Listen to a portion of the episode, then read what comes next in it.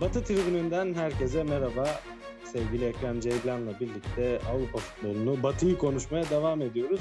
Açılışı da bir Ekrem yapıyor, bir ben yapıyorum. Öyle gidiyoruz ama şu da dikkatimi çekiyor Ekrem. Açılışı ben yapsam da bir yerden sonra süre kontrolü açısından yine kontrolü sana devrettiğimi de fark etmiyor değilim. Onu da söyleyeyim. Hoş geldin. Fark etmez be üstadım. Hoş bulduk. Ha sen ha ben. Burada herhangi bir fark gözetmek pek mümkün değil. Tabii evet. A- Aynı yani biz bir elmanın iki yarısı Arçille Şota gibi izleyebilir miyiz artık? O kadar diyemeyiz. ya. Onlar tek yumurta galiba. O zaman Çok abartılı olur yani. Nelson Marcao diyelim. Bak o olabilir. Tandemde iyi bir ikili oluşturabiliriz belki de. Tandemde iyi bir hangimiz- ikili oluyor mu? Hangimiz marka abi? Sen sol ayaklı mısın? Yok ben sağ. Ben de sağ ayaklıyım abi. İkimiz de Nelson olacaksak o iş çıkmaza girer. Bir markaya ihtiyaç var. O zaman başka bir tandem bulalım kendimize olur mu? Uçe hök falan diyormuşum. Yani elbet böyle akılda kalan bir ikili buluruz ya çok iyi anlaşan. Ronaldo Zago diyelim. Ronaldo Zago'nun bir de herkes ikili bilir ama aslında bunlar üçlüydü. Ahmet Yıldırım'ı herkes Evet evet atıyor. doğru doğru. Evet doğru. Ama işte akıllarda öyle kalmış canım. Evet, ne yapalım? akı- akıllarda gerçekten kaldı ya Ronaldo Zago. Ha, şu da var şimdi Ronaldo Zago yani şimdi Ahmet yerli bir oyuncu. Bir şekilde yerliyi çıkarıyorsun ama Ronaldo Zago gibi atıyorum işte ileride Nelson ve Marcao eğer uzun yıllar beraber izlersek onlarda da bu olacak. Ee, bir arada iki yabancıyı denk getirmek daha özel oluyor tabii bence. Onun da etkisi olabilir. Kesinlikle sana katılıyorum ve madem hani Zago, Ronaldo, Ahmet Yıldırım diye üçlü bir şeyden bahsettik. O zaman Thomas Tuchel geldiğinden beri üçlü oynayan. Ya bu nasıl bir Hatta- geçiştir ya? Bence gayet bir güzel bir geçiş abi? oldu. Ama bak bu pratik zeka derler buna. Kendimi de Evet, böyle evet. överim. Hoşuma gitti. Hoşuma gittiği için söylüyoruz zaten. Arada Böyle bir geçiş böyle yok. överim kendimi. Ee, Mükemmeldi gerçekten. Etkilendim. Tebrik ediyorum. üçlü savunma oynuyor Liverpool ve bu üçlü savunmada en ön plana çıkan konu nedir? Chelsea. Kenarlar. Evet, Chelsea ve Chelsea'nin kenarları. Her üçlü savunma için geçerli olan bir şeydir. Bu genel geçer bir şeydir. Yani kenarlarının biri Lichtsteiner gibi biri olmalıdır. Ya da o prime dönemindeki Asamoah gibi biri olmalıdır. Vesaire. Örnekler artabilir tabii ki. Şimdi de Reece James var. Şimdi Reece James var.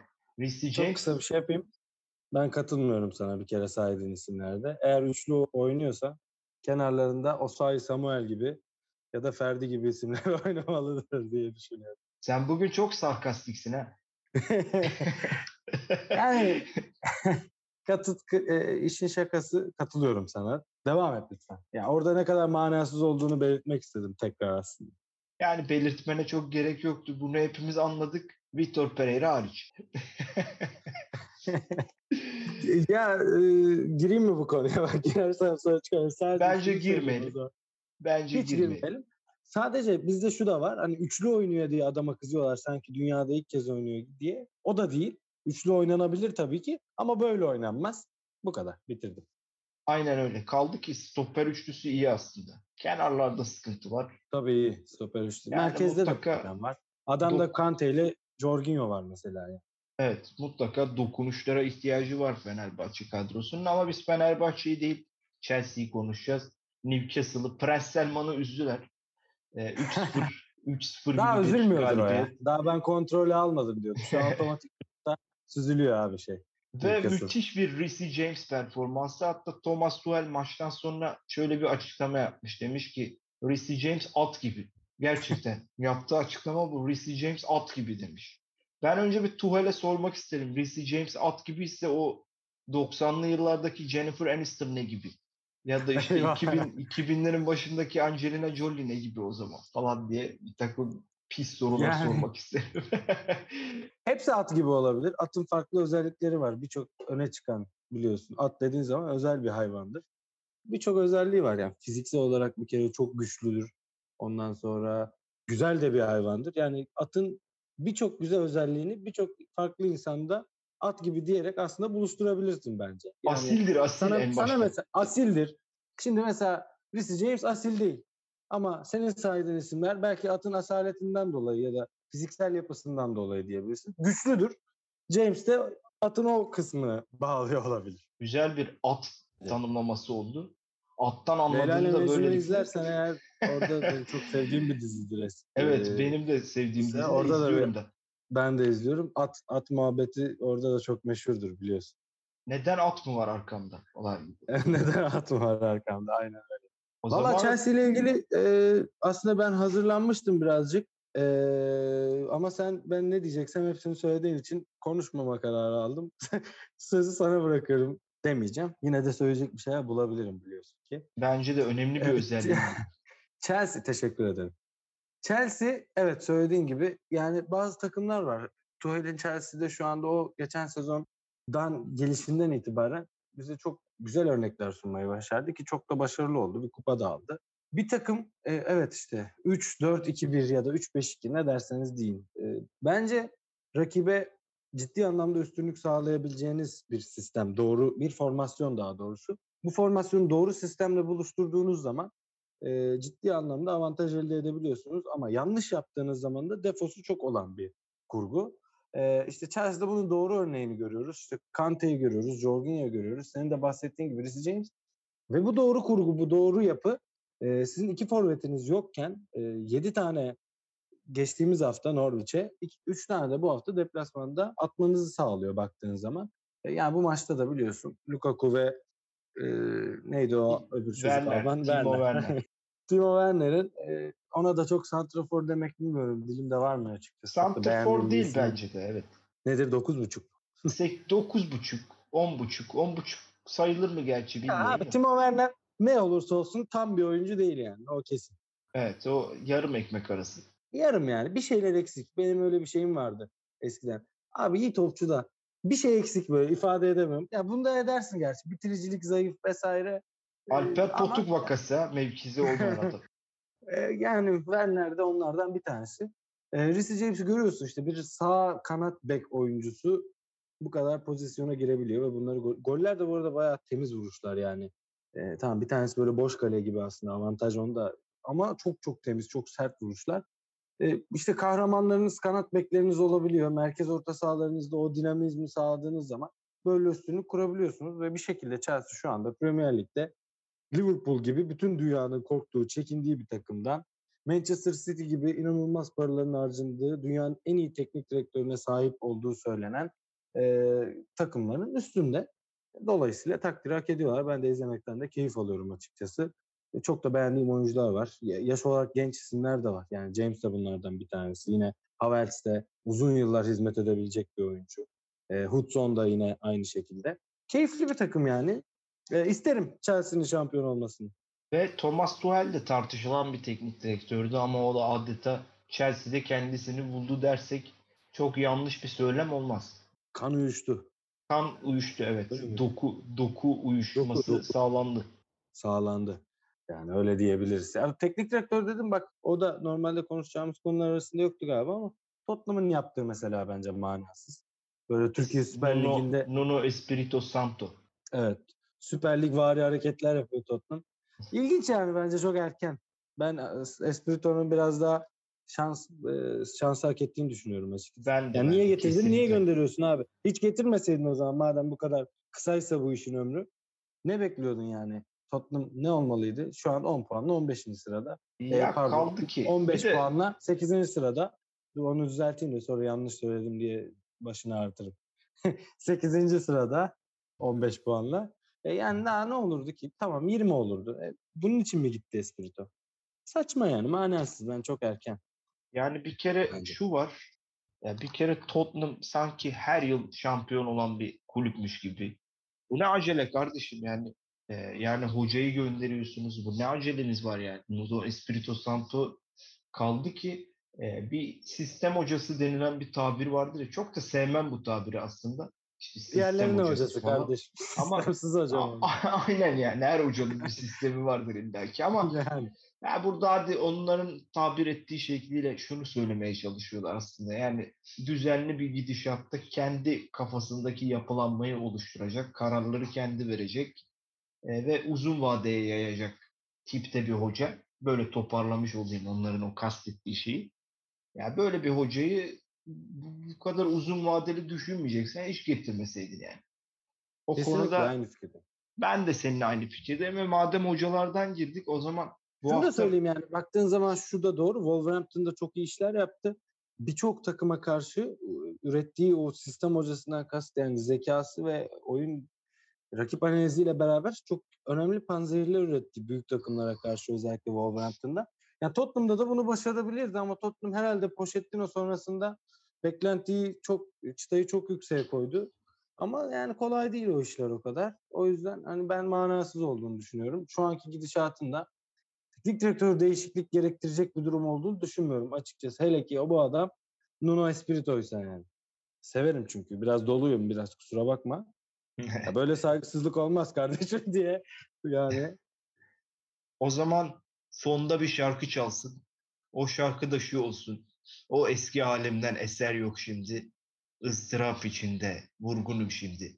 Tutun kollarımdan düşerim şimdi deyip kime atfediyoruz? Tabii ki Jose Mourinho'ya atfediyoruz şarkıyı. ha, Barcelona diyeceksin zannettim de Mourinho'ya geldi. Mourinho'ya geldik çünkü Mourinho biliyorsun Tottenham'da çok olmadı.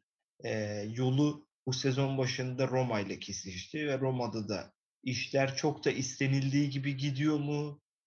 Orası biraz tartışmalı bir konu. Bu hafta da Milan'a kaybettiler ve Mourinho hakkında da ne düşünüyorsun? Alayım yorumlarını. Yani eee, ben Mourinho'yu da çok severim. Çok da yıllardır sevdiğim bence özel special one denecek. eee, onu da hak eden biri olduğunu düşünüyorum. Roma ile alakalı evet yani Tottenham'da da çok istenilen gibi git istediği gibi gitmedi işler doğru. Roma'da da ya biraz değerlendirmek için erken olduğunu düşünüyorum.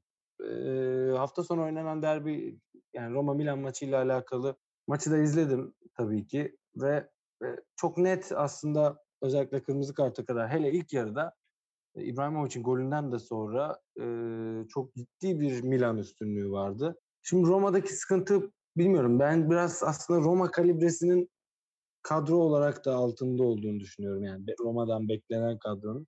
E, yani Napoli'ye, Inter'e baktığımız zaman özellikle e, Milan'da belki çok hani Roma'nın çok mu üstünde desen hayır derim. Ama Roma'nın biraz kadro olarak da düşük kaldığını düşünüyorum. Ee, tabii Milan 31 puana ulaştı. Onların bir önceki maçında da Torino'ydu yanılmıyorsam. O maçı da izledim. Aslında çok fazla yüksek tempo yapabilen, e, inanılmaz pozisyonlara giren bir görüntüleri yoktu ama o maçta da ama kazanmayı başardılar. Burada Roma'yı çok fazla hapsettiler. Yani sanki Milan ev sahibi gibiydi. Şöyle söyleyeyim, yani şu çok nettir belki çok da klişedir ama maçı izlerken hiçbir zaman Roma'nın kazanacağına dair hiç inanç beslemedim yani. Öyle bir performans vardı. Ee, Burada tabii bir araya girmek Glimt- isterim. Burada bir araya girmek isterim. Şimdi Mourinho'nun prime dönemlerine baktığımız zaman işte ilk Chelsea dönemi, ondan sonraki Inter dönemi, Real Madrid dönemi. Aslında Mourinho takımlarının böyle genel bir özelliği değil miydi? Hiçbir zaman böyle kazanacakmış gibi bir görüntü vermeyip de kazanmak. Evet doğru katılıyorum ama burada hani açmak ya da e, o savunmayı geçmek kolay değildir dersin. Yani o park the bus dedikleri işte Mourinho otobüsü çekti. Eskilerden beri gelen hatta sonra oyunlarda da kullanılan bu park the bus meselesi. Öyle bir görüntü de yok. Yani Milan her öne çıktığında pozisyon bulabiliyordu ki burada işte golden sonra iptal edilen bir gol var. Muazzam bir gol. İbrahimovic'in asist yaptığı e, bir gol. Hani onun da inancını vermiyor Ekrem. Hani dersin ki Roma kaybetmez ama berabere kalır. Onu da diyemiyorduk. Yani onu da diyemedik. Ee, yani birkaç tane böyle isim var. Yani Roma kalitesinin bence altında kalıyor. Mkhitaryan mesela eski performanslarından çok uzakta. Yani bence biraz zamana ihtiyacı var Mourinho ve Roma'nın. Yani bu sene artık hani şampiyonluk falan zaten zor gözüküyor şu yapıda. Ama inşallah tabii hevesini erken alıp bir anda sezonun ortasında Roma Mourinho birlikteliği kopmaz. Çünkü biliyorsun çok da güzel bir görüntü de vermişlerdi. Ee, maçtan önce bininci maç mıydı? Bininci galibiyet miydi? Sen hatırlatsana bana. Basın mensuplarına hiç umurumda değil dedim ama aslında çok da umurumdaydı bu maç benim için diye dedikten sonra 90. dakikada gol attıktan sonra tribüne bir koşuşu vardı. Ya bu tarz görüntüleri Roma ile de ben yani Mourinho'nun uyduğunu düşünüyorum tip olarak. Yani Roma tipi bir hoca bence. Dolayısıyla evet şu anda işler çok çok iyi gitmiyor. 19 puan. E, Milan'a kaybettiler. Yine daha önce de işte Juventus'a da kaybettiler. E, umarım düzelir. Ben düzelmesini umuyorum. Şu anki görüntü iyi değil ama zamana ihtiyaç var yani Ekrem bence. Yani, yani öyle söyleyebilirim. Dünkü yani Milan maçında hiç beğenmedim Roma'yı onu da söyleyeyim. Hiç hiç yani hiç o inancı almadım. Evet, puan alacağına ile dair. ilgili portallarda, forumlarda da genel olarak konuşulanlar senin söylediğinle söylediklerine örtüşen paralel şeyler zaten. Ee, çok fazla uzatmayalım bu kısmı. Buradan İspanya'ya Varsa doğru- söylemek istediğin bir şey söyle. Katılmıyorsan söyleyebilirsin ya öyle bir baskı hissetme. Öyle bir baskı asla hissetmiyorum tabii ki de. Yani ekleyecek bir şeyim yok değil. Ekleyecek o kadar tam mı konuştun? O kadar tam konuştun. Vallahi böyle bir dönemde yani tamın çok değerli olduğu bir Şöyle dönemde. diyebilir miyiz Roma için? Biliyorsun abi gram gram bile çok pahalı. Sen tam şimdi. Evet çok aşırı pahalı. Aşırı pahalı. evet bu çirkin ve alakasız miyiz? şaka. Şöyle diyebilir miyiz Roma için? Var böyle dönemler inşaat, anket, Danienko'dan biliyorsun. Tamamı aklıma gelmedi şu anda. Müthiş tweet'i. Hatırlamadın mı? Google Translate Yani faciası. hatırlamadım daha çok. Öyle bir Barcelona futbol ki kalitesinde Tazemeta geldi aklıma. Diyarbakır sporlu seyircileri sakinleştirmeye çalışan Ya bak Tazemeta. hani o zaman dur. Hani dinleyenlere de söyleyeyim. Ee, birazcık kopyayla şey yapayım. Çünkü tamamını hatırlamak mümkün değil zaten. Danienko'nun e, Translate faciası. Tweet'te şuydu. Sen de şimdi okuyunca hatırlayacaksındır. Var böyle dönemler ve hiçbir şey inşaat ama hızlı bir şekilde çok anket. Baş bilmeniz gerekir. Barcelona futbol kalitesinde bir modeldir. Ya burayı Roma olarak değiştirelim.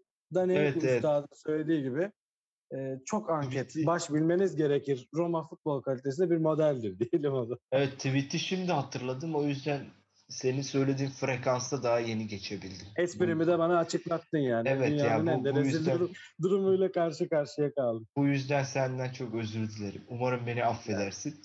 Şimdi Rica beni beni affetmen için sana güzel bir konu konuşturacağım şimdi.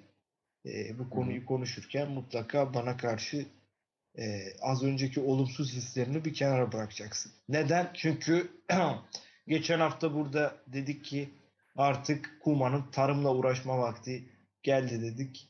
Muhtemelen Hollanda'da çiftliği, tarlası, bağı, bahçesi vardır. Traktörü de İspanya'da vardır. da kalabilir. Yani İspanya'da tarım açısından iyi bir ülke. Tabii. Akdeniz Belki evet. Kurulu düzenim var yeğenim diyerek Hollanda'ya dönmeyebilir. Ya köyü abi şimdi köy toprağı başkadır. Yani köyü Hollanda'da olduğu için ben özellikle Hollanda diyorum. Muhtemelen dönmüştür. Bence tarımla uğraşma vakti gelmişti.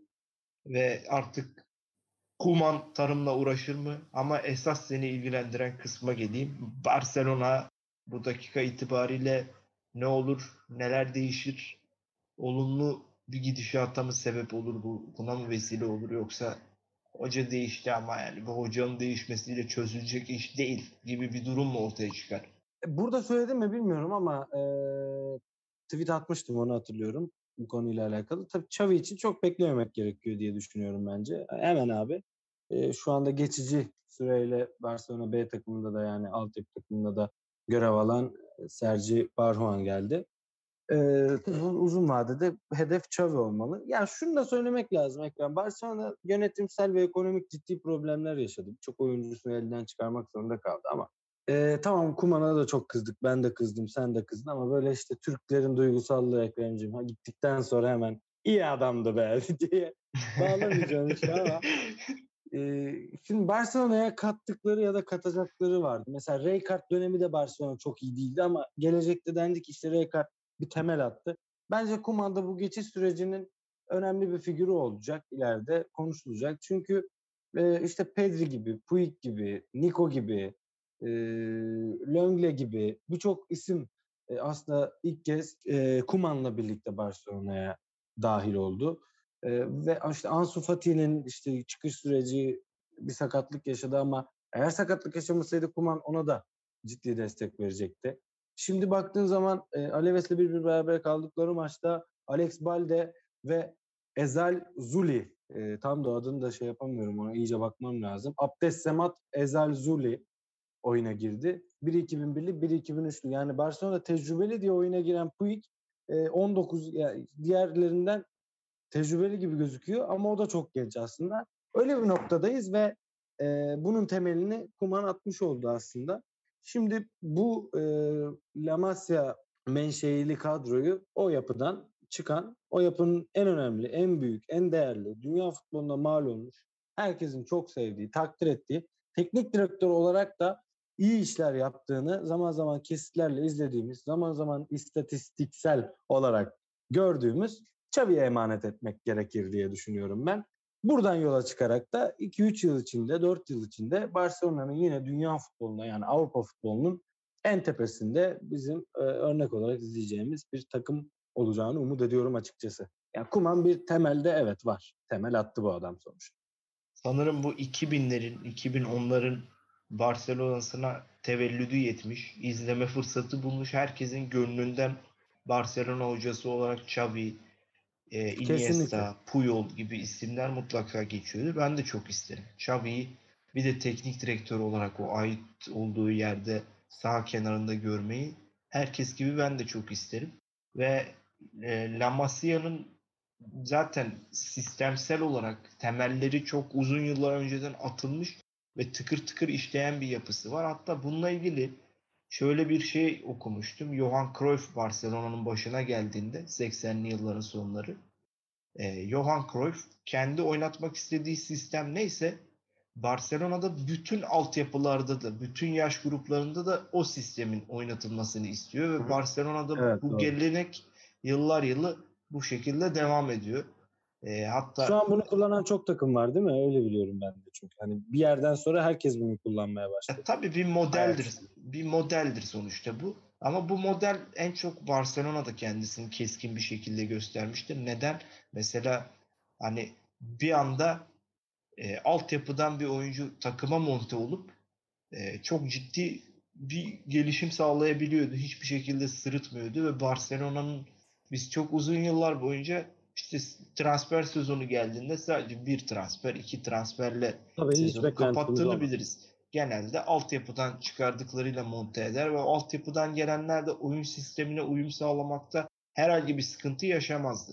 Belki de yeniden böyle bir temel atılmıştır. Kuman'ın da bunda katkısı vardır. Kendisine artık işte mısır hasat sezonu geldiğinde ya da işte herhangi bir lale bahçesi yetiştiriyorsa lale kokularının içerisinde mutluluklar diliyoruz kendisine. Emekleri için teşekkürler. Türkiye'ye lale ihracatı yapan ekipten biri olur belki. Biliyorsun İstanbul'da lale zamanı olduğu zaman her yerde laleler oluyor. Kumanda e, artık bize canım. lale zamanında laleleri gönderir Emirgan korusunda sergileriz. Hatta e çünkü, renklerden böyle Ronald Kuman yazarız. E çünkü biz lale devri çocuklarıyız. evet doğru. Peki dediğimi yapar mıyız? Lalelerle Bence. kuman yazar mıyız Emirgen konusunda? Bence yazmalıyız. Bence de yazmalıyız abi. Yazmalıyız. Hak ediyor. Hak Ama ediyoruz. kesinlikle hak ediyor. Ama dediğim gibi yani bir temel attı bence ya. Bakalım ileride çıkacak ortaya. O zaman İspanya'da şöyle hemen kapatmayalım İspanya'yı. Enes Ünal'ın bu hafta ön plana çıktığı bir performans söz konusu oldu Getafe'de. Hemen bir Enes Ünal'la ilgili de iki kelam etmiş olalım. Ee, dediğin gibi yani Hetafe zaten böyle çok skorer bir takım değil. Ee, açıkçası gol yollarında sıkıntı yaşıyor. Pozisyon üretmekte daha doğrusu sıkıntı yaşayan bir takım. Dolayısıyla gol atmak için pozisyonu gole çevirme oranınız çok yüksek olması lazım Getafe'de. Ee, uzun zamandır böyle enteresan bir takım yani Hetafe sert bir takım. Özellikle Bordalas zamanında daha da öylelerdi. Şimdi baktığın zaman e, geride kalan iki maç var. Granada ve Espanyol maçları. Bu iki maçta toplam 3 gol atıldı. Ondan önceki 3 maçta, 4 maçta 1 gol atılmıştı. Şimdi son iki maçta 3 gol var. Üçünde de Enes'in imzası var. Ee, Enes'in bu arada Espanyol maçında attığı golde izlemeyenler varsa bizi dinleyip e, şiddetle tavsiye ediyorum. Mutlaka izlesinler. Müthiş bir gol attı Enes. Enes'i de ben severim, beğenirim yani. 1997 doğumlu. Biraz erken e, yaşlandırıldığını düşünüyorum Enes'in.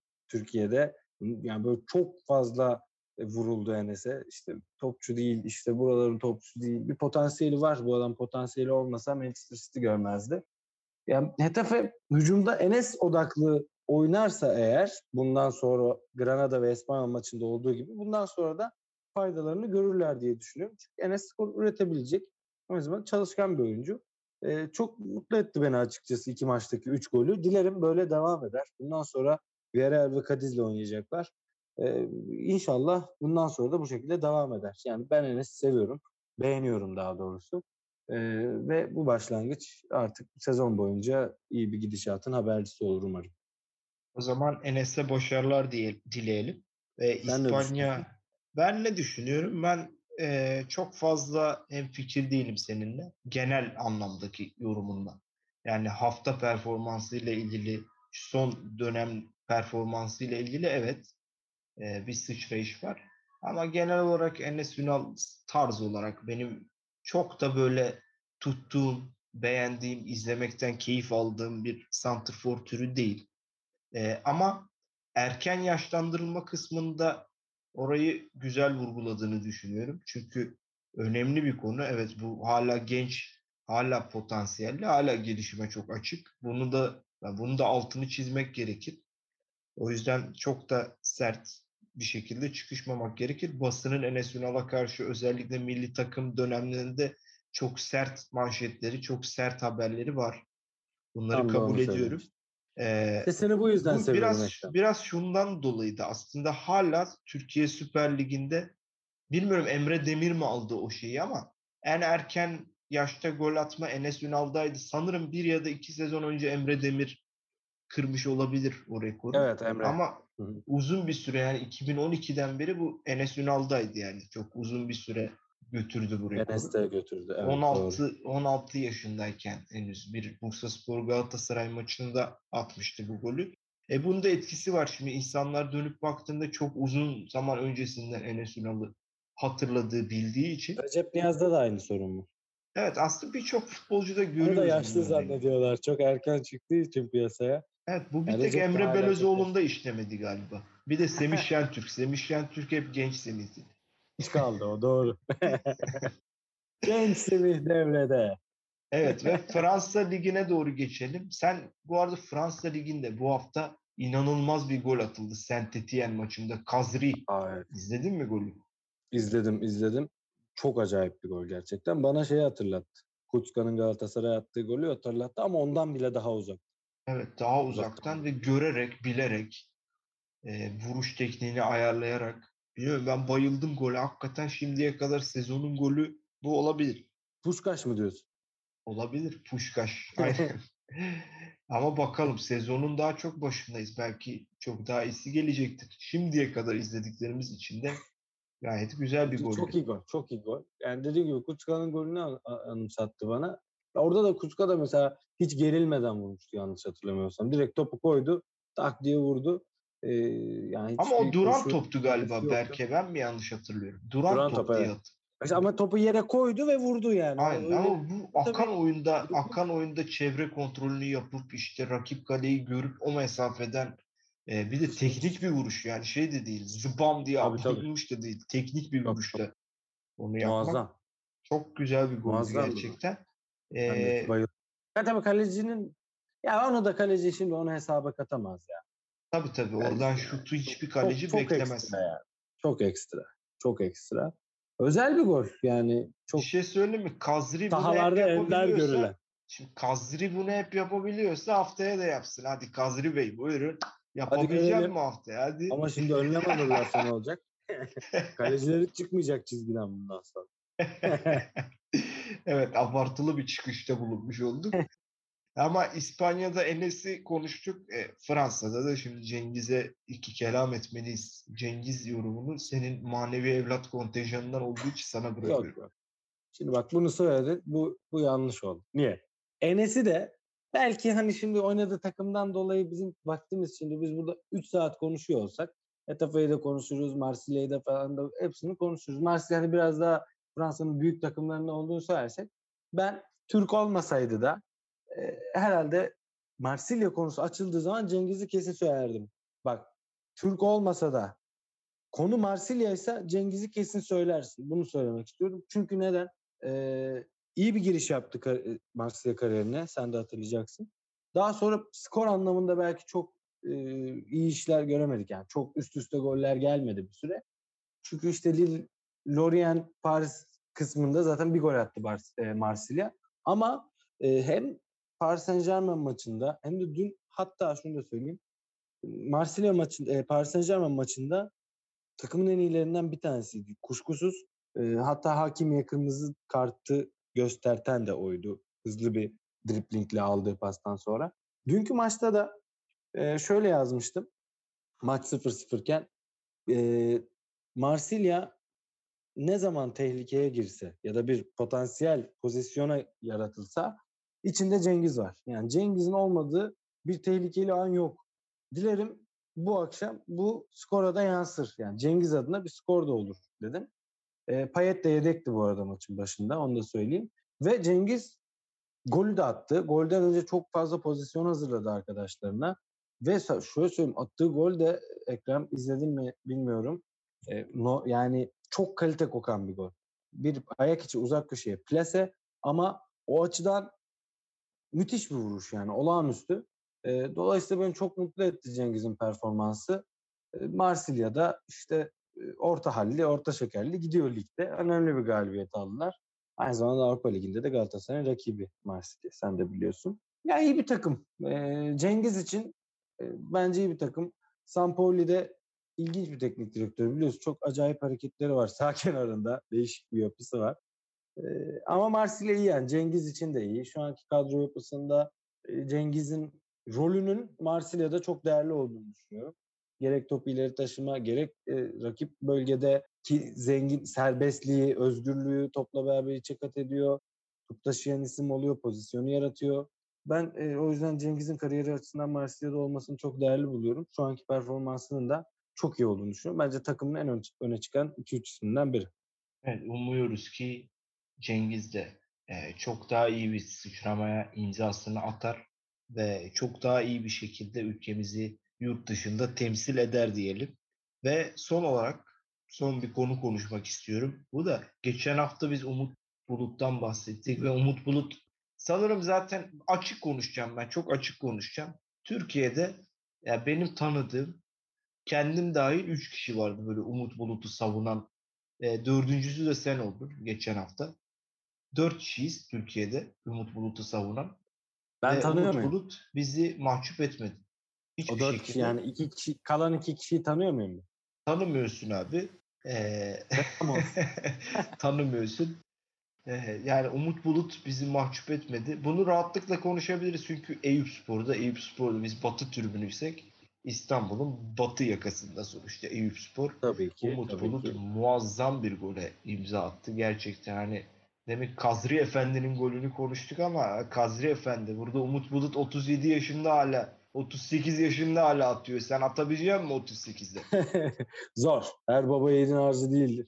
Ya Umut savunma meselesiyle alakalı şöyle de bir hikaye var. Belki de e, maçı anlatan da aynısını söyledi galiba Can. E, 2003 yılında yanlış hatırlamıyorsam Ankara gücüyle ilk profesyonel golünü atmış Umut Bulut. Ve belki de Toulouse'da attığı gole de çok benziyor bu arada. Evet, atmıştı benziyor. Çok benziyor evet. Ee, bu daha güzel ama. Yani vuruş daha güzel bir kere. Topun yani gidişi daha güzel. Ama ona da çok benziyor. Ee, ve kariyerinin belki de en güzel golü, en değerli golü tabii ki değildir. Çok önemli golleri var ama jeneriklik o açıdan böyle jeneriklik gol dersin ya. Ee, öyle bir gol ve kariyerin en güzel golünü e, ilk e, profesyonel golünü attığı takıma attı. O da ilginç bir hikaye. Umut bence müthiş bir görev adamıdır. E, iyi kötü iyi de bir bitiricidir. Zaman zaman çok pozisyon harcar ama çok çalışkandır. Pozisyon harcasa bile takımın taraftarı hiçbir zaman Umut yeter artık demez çünkü Umut bir şekilde onu hak ettiğini gösterir. Birçok hoca için de bence bulunmaz Hint kumaşı bir oyuncudur. 37 yaşında ve çok iyi bir profesyoneldir bence. E, 37 yaşında hala bu performans. E, Zaten Eyüpspor ilk aldığında Umut'u dedim ki çok iyi. E sonra Stanku Sonra Padiba e, zaten abi Eyüpspor bu adamlarla Süper Lig yolunda gidiyor yani. Bu Gözüken o çünkü çok iyi bir kadroya sahipler. E, Umut da hiç şaşırtmıyor yani. Gerçekten çok iyi bir profesyonel. İşte Atiba'yı övüyoruz ya işte Emre'yi. Umut da bence onlardan bir tanesi ya. ya. Bu yaşta fizik olarak hala gayet iyi düzeyde. Belli ki kendisine çok iyi bakıyor. Ya bu kadar adele sakatlıkları bilmem nelerin olduğu dönemde adam 37 yaşında bir şekilde yani sonuçta güce dayalı fiziğin de önemli olduğu bir ligde. Çok da küçümsememek lazım ya. 37-38 yaşında bu ligde çok iyi işler yapmak da kolay değil. O yüzden tebrik ediyorum. Ya ben demiştim Frank, e, Luke de Jong'dan iyi diye. Hala da söylüyorum daha iyi. Hala bak çok geç değil. Yarım sezonlu da olsa eğer devre arasında forvet almayacaksanız Barcelona yönetimi ey Laporta eğer forvet almayacaksan bu takıma e, git bari yarım sezon Eyüp Spor'dan kiralayın Umut'u. Luke de Jong'dan iyidir.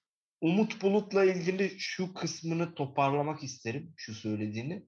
E, Umut Bulut gittiği her yerde maalesef ne yazık ki taraftarlar tarafından yeter artık neden Umut oynuyor, neden başkası oynamıyor diye tepki görmüş bir futbolcu.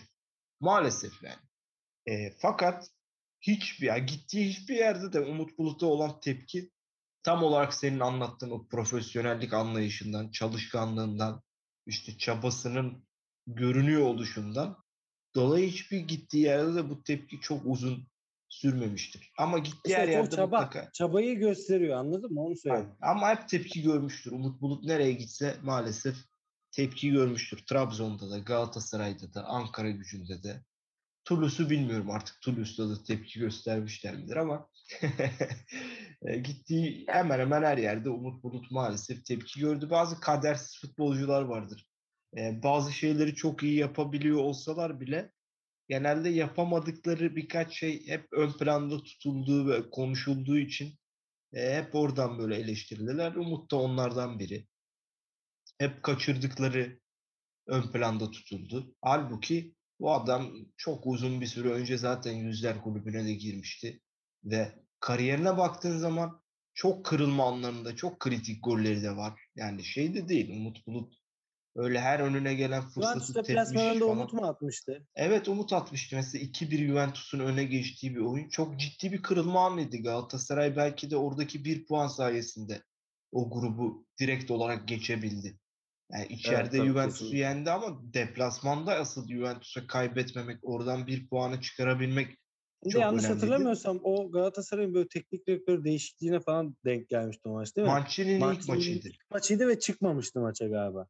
Mancini'nin ilk ya- maçıydı. Çıkmış Umut mıydı çıkmamış mıydı hatırlamıyorum ama öyle bir diyalog vardı. Hani ilk maçında daha iki günde hemen takımın başına geçip geçmemesiyle alakalı. Ya çok çalkantılı bir süreçte alınan yani maça çıkmıştı. Mancini aslında. takımın başında maça çıkmıştı diye hatırlıyorum. Ama Doğrudur. Tamam ben Umarım- sadece spek- spekülasyon olarak Umarım Ee, yanılmıyorumdur. Çok yıl geçti tabii ki. Umarım evet. yanılmıyorumdur ama ben çıktığını hatırlıyorum. Ee, Orada sarı demek kırmızı, şey çıkıp sarı kırmızı değil de. çıkıp çıkmaması değil. Ben de şimdi düşününce evet çıktı ama öyle bir spekülasyon ya da öyle bir gündem vardı.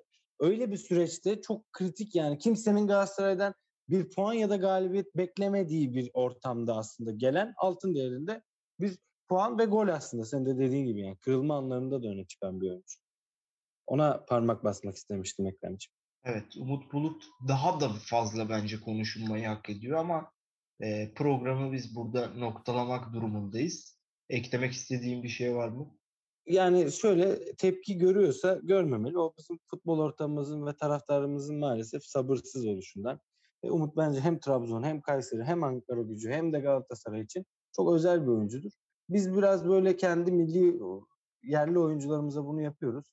Mesela şu anda en aklıma gelen böyle şey örnek Beşiktaş'ta Necip var. Ee, insanlar çok sık Necip'e işte ya Necip mi Necip mi diye ama ben Necip futbolu bıraktığında e, çok özel bir oyuncu olarak Necip'in hatırlanmasını istiyorum. Umut da öyle. Ya, o da çok iyi bir profesyonel bence. Her zaman hazır fiziksel olarak kendini geliştirmiş bir noktaya getirmiş. O yüzden bu tarz değerlere de haddinden fazla haksızlık etmemek gerekiyor diye düşünüyorum. Umut özel bir oyuncuydu ve bir efsane bence Türk futbolunda. O zaman madem sen açtın ben de kapatayım programı. Batı Tribünü'nün 5. bölümünden herkese iyi akşamlar diliyoruz. Önümüzdeki akşamlar. önümüzdeki programlarda görüşmek üzere. Hoşçakalın.